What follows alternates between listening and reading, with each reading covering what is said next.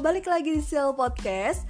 Oke, untuk episode kali ini, hmm, kayak aku udah lama ya nggak ngasih kayak tips-tips gitu. Jadi untuk kali ini aku pengen nge-share tentang tips perdapuran. Sebenarnya ini udah pernah aku share juga sih di sosial media, cuma nggak tahu kenapa kayak serang aja kalau misalnya bisa membagikan informasi itu ke kalian lagi, walaupun mungkin kalian juga udah tahu atau mungkin udah pernah dengar juga dari orang-orang yang hmm, pernah masak sama kalian atau juga mungkin dari artikel-artikel yang pernah kalian baca. Nah, kenapa juga aku pengen share ini? Karena Hmm, apalagi kalau di sini tuh kan banyak banget ya anak kos-kosan atau mungkin yang ngontrak yang itu kalian mungkin punya kulkas atau mungkin justru tidak punya sama sekali tapi kalian itu um, sekali-sekali tuh pengen masak nggak mungkin juga kan kayak tiap hari tuh jajan terus ya mungkin bisa jadi ada cuma kan untuk sebagian orang gitu ada pengenan kayak pengen deh buat sesuatu pengen deh uh, kayak ngutak-ngatik bikin menu yang baru yang lagi hit sama teman-teman dan itu bisa dimakan ramean.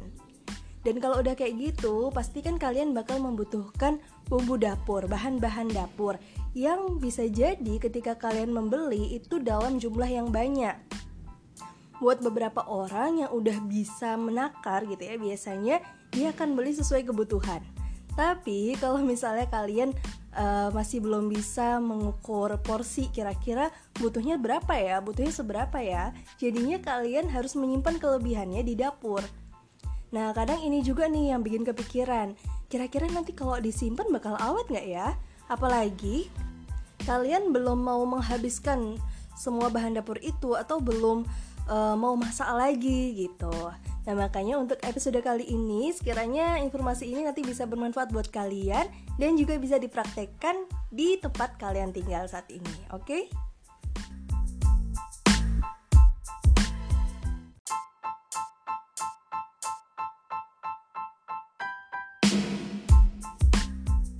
Oke, okay, tips yang pertama aku bakal mulai dari bawang-bawangan.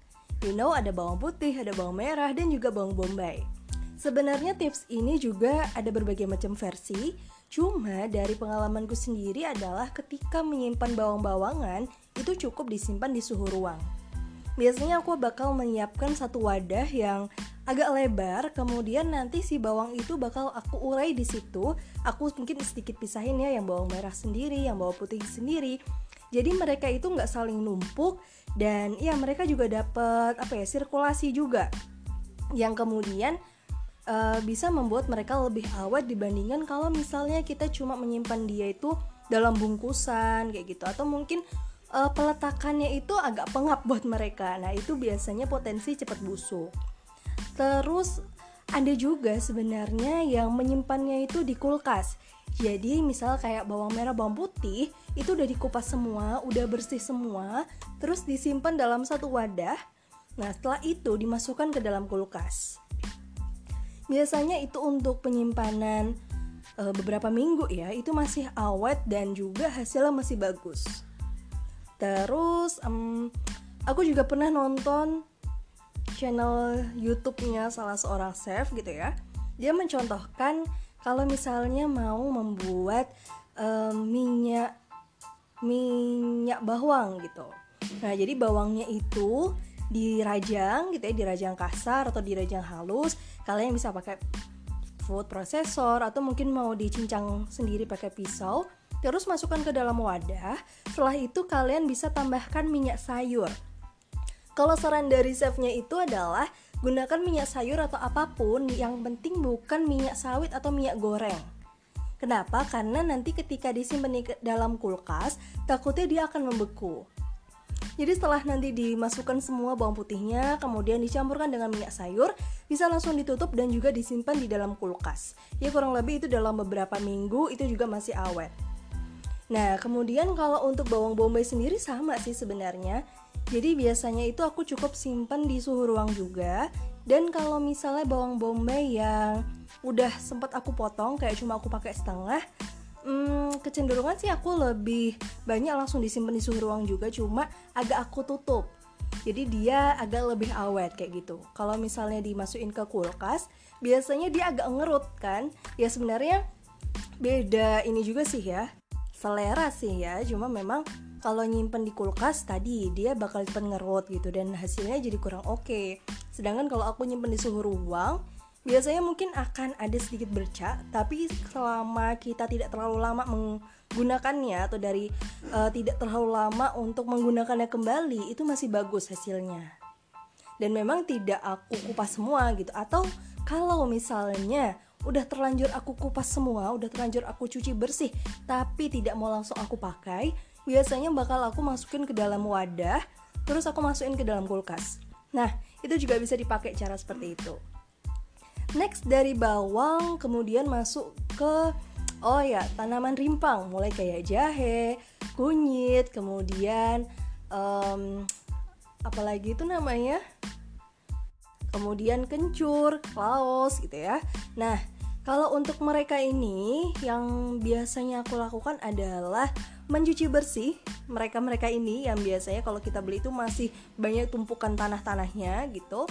Sampai bersih bersih banget. Uh, paling nggak tanah-tanahnya itu udah hilang kemudian aku biarkan sampai mengering sampai airnya udah nggak ada. Terus aku juga bakal nyimpen itu di suhu ruang.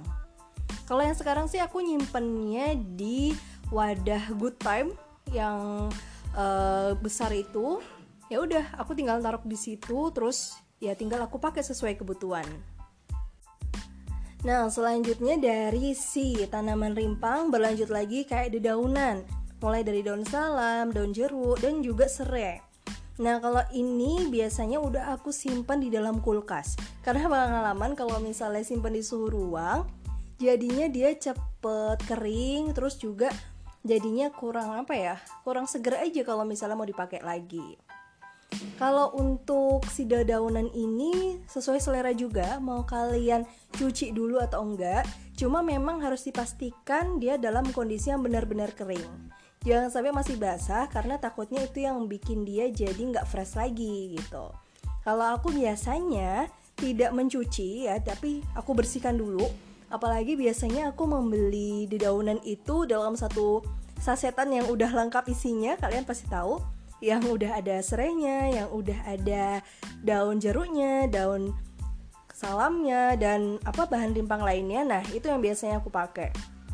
Cara membersihkannya cukup mudah, biasanya cukup aku petik aja, aku buang tangkainya, kemudian aku sortir mana yang masih bagus, mana yang enggak. Nah, terus aku siapkan satu wadah yang hmm, cukup sedang lah ya, wadah putih gitu. Aku masukkan, aku rapikan, dan yang kalau untuk serai, untuk serai ini biasanya aku cuci, uh, aku cuci Kenapa aku cuci? Karena biar lebih rapi aja sih sebenarnya. Nah, setelah aku cuci, terus aku potong jadi dua. Setelah aku potong jadi dua, aku masukkan juga ke dalam wadah yang tadi berisi daun jeruk dan juga daun salam. Kalau udah, aku tutup dan aku masukkan ke dalam kulkas.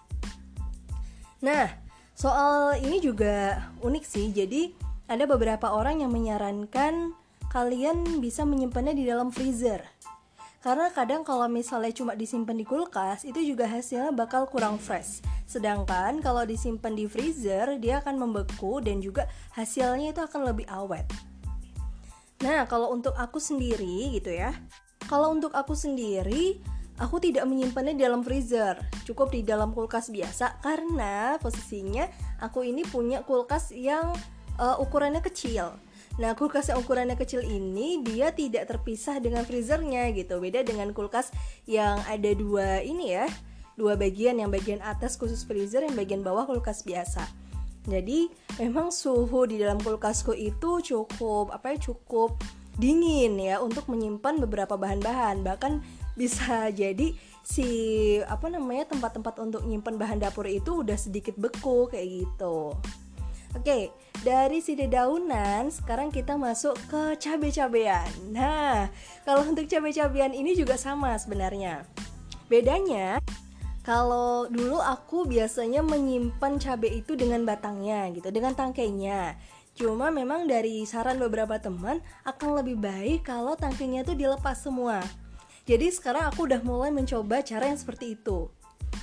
Kalau aku biasanya menyiapkan dua wadah, Yang pertama khusus untuk cabai merah dan cabai keriting, sama yang satunya untuk cabai rawit. Kenapa dipisah? Sebenarnya untuk mempermudah aja sih kalau misalnya kita mau ngambil bahan dapur yang dibutuhkan. Dan caranya juga sama, setelah dilepas semua tangkainya, kalau aku biasanya tidak langsung dicuci, aku biarkan aja. Cuma wadahnya itu udah aku alasi dengan tisu. Yang aku pakai itu adalah tisu khusus makanan. Jadi kalau kalian tahu, kan ada jenis tisu yang untuk wajah ada juga tisu yang khusus makanan yang dia bisa menyerap minyak dan uh, ukurannya atau bentuknya itu agak lebih tebal gitu nah itu yang aku pakai kemudian nanti kalau udah tinggal aku letakkan tinggal aku rapikan setelah rapi semua aku masukkan ke dalam kulkas Oh iya, kalau untuk tomat, ini gara-gara ngomongin cabai jadi inget tomat ya, karena yang diinget langsung sambal gitu ya. Kalau untuk tomat itu aku juga simpen dalam suhu ruang. Jadi jarang banget sih aku simpen di kulkas kecuali gitu ya, aku nyimpennya itu dimasukin ke dalam plastik dulu gitu terus baru aku masukin ke dalam kulkas. Apalagi kalau aku sendiri itu sebenarnya lebih suka sama tomat hijau. Jadi aku langsung masukin ke aku tidak masukin ke mana-mana, cukup aku taruh di suhu ruang karena biasanya aku udah memperkirakan nih kalau aku beli tomat itu dalam satu minggu bakal aku pakai untuk bikin apa biasanya kayak gitu. Tapi ada case ketika aku pakai tomat hijau dan itu cuma setengah. Biasanya potongan sisanya itu bakal aku jadiin satu sama wadah cabe Nah itu cukup aman sih untuk penyimpanan beberapa hari Jadi bisa kalian coba juga Oh iya, jangan sampai terlewat. Jadi ada juga si daun bawang. Kalau daun bawang ini juga sama, aku juga simpen di dalam kulkas dan biasanya itu udah aku cuci bersih dulu. Aku cuci bersih, kemudian aku potong jadi beberapa bagian, bisa dua atau tiga, tergantung dari wadahnya yang mau kita gunakan untuk menyimpan si daun bawang. Kalau udah benar-benar kering, itu biasanya aku masukkan ke dalam wadah yang juga sudah aku kasih alas tisu. Setelah itu aku sudah bisa langsung menyimpannya di dalam kulkas dan ya lumayan awet untuk penyimpanan ya mungkin sekitar dua minggu lah sampai memang daun bawangnya itu habis. Oke, okay, dari kesemuanya yang memang aku simpan di dalam kulkas, yang terpenting adalah quality control gitu ya. Jadi kalian selalu mengecek kira-kira masih ada nggak sih bahan-bahan yang uh, udah nggak fresh kayak gitu. Atau masih ada nggak sih uh, ini yang udah mulai apa mungkin mengerucut gitu ya. Mengerut mengerucut. Udah mulai mengerut dan sudah tidak layak untuk dipakai. Kalau udah nemu yang kayak gitu sebaiknya langsung diambil atau dibuang karena itu takutnya bisa mengganggu uh, bahan dapur yang lain kayak gitu. Nah biasanya juga kalau untuk cabai ketika aku memilih cabai untuk memasak itu bakal aku pegang dulu tuh. Uh, apalagi kalau cabai rawit ya biasanya tuh kalau aku pegang mana yang dia tuh rasanya udah mulai agak lembek Nah, kalau yang udah mulai agak lembek gitu, tapi bukan yang lembek banget ya, tapi yang agak lembek itu artinya kan dia udah uh, masa penyimpanannya udah inilah, udah cukup lama gitu ya, atau memang dia udah mulai hampir tidak fresh lagi. Nah, itu yang biasanya bakal aku pakai untuk masakan. Jadi memang yang fresh-fresh itu ya aku biarin aja dulu. Nah, itu juga salah satu cara yang aku gunakan untuk menjaga uh, kestabilan atau menjaga si bahan dapur itu supaya tetap awet. Termasuk juga kayak daun bawang gitu, termasuk juga kayak daun salam dan juga yang lainnya.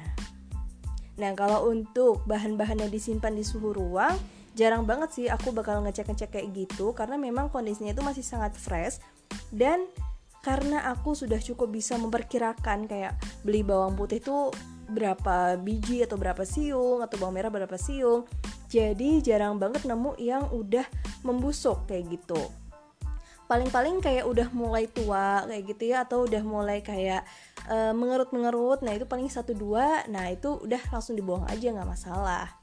Terus kayak bahan rimpeng yang mungkin udah mulai mengerut-mengerut nah itu biasanya aku dahuluin juga untuk dimasak bagi kayak jahe gitu ya.